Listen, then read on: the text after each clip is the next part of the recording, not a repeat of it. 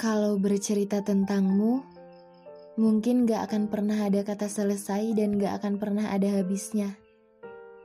Karena terlalu panjang kalau aku menjelaskan semua perihalmu di sini. Tentang bagaimana kamu, baiknya kamu, luar biasanya kamu dan semuanya. Kalau boleh jujur, aku kagum dengan sosok kayak kamu itu udah lama banget bahkan sebelum aku mengenalmu lebih jauh dan hanya sebatas tahu nama. Sampai sekarang aku masih merasakan hal yang sama. Hampir setiap harinya aku selalu mikir, apakah suatu hari nanti kamu akan tahu betapa berharganya kamu di mata orang seperti aku ini. Aku selalu bersyukur karena Tuhan telah mempertemukan kita, ya meskipun dengan kenyataan yang berbeda. Aku dengan segala keinginanku, dan kamu dengan segala ketidakmungkinan itu. Entah kenapa aku gak pernah bisa memahami perasaan aku sendiri, yang mungkin ini gak seharusnya ada. Kadang aku ngerasa bingung. Aku bisa menciptakan perasaan dan luka secara bersamaan dengan sendirinya.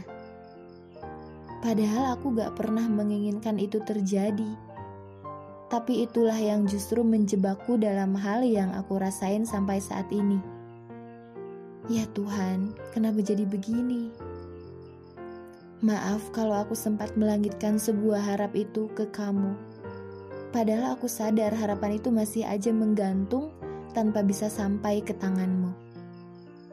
Menurutku, orang yang saat ini berarti dalam hidup kamu itu adalah orang yang paling beruntung Aku pernah menginginkan ada di posisi dia, tapi aku gak bisa menjadi dia yang kamu nomor satukan.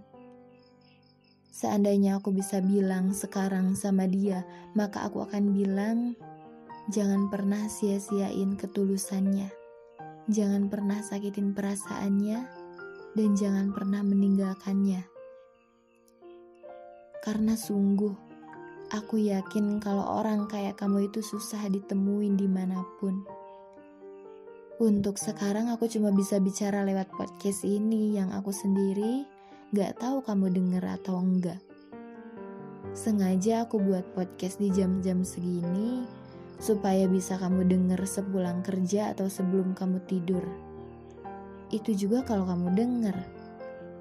Dan selain podcast, Aku cuma bisa berdialog tentang kamu lewat tulisan-tulisan aku yang sering aku buat dan kamu lihat saat aku posting di story WhatsApp atau Instagram. Cuma itu. Karena aku pikir lewat tulisan aku bisa sepuasnya menuliskan tentang kamu tanpa ada orang yang bisa menjedaknya. Ya walaupun aku tahu mungkin ini gak ada artinya buat kamu karena di mata kamu, aku cuma orang lain yang gak akan pernah jadi orang penting. Aku tahu kamu gak pernah menganggap aku lebih dari sekedar orang lain atau teman. Aku tahu kalau aku bukan orang yang istimewa, bahkan mungkin itu gak akan pernah bisa sampai padamu. Aku adalah orang yang biasa aja, gak punya kelebihan apa-apa, punya banyak kekurangan dan aku gak tahu di mana letak kelebihan aku. Ya mungkin bisa dibilang aku jauh dari apa yang kamu harapkan.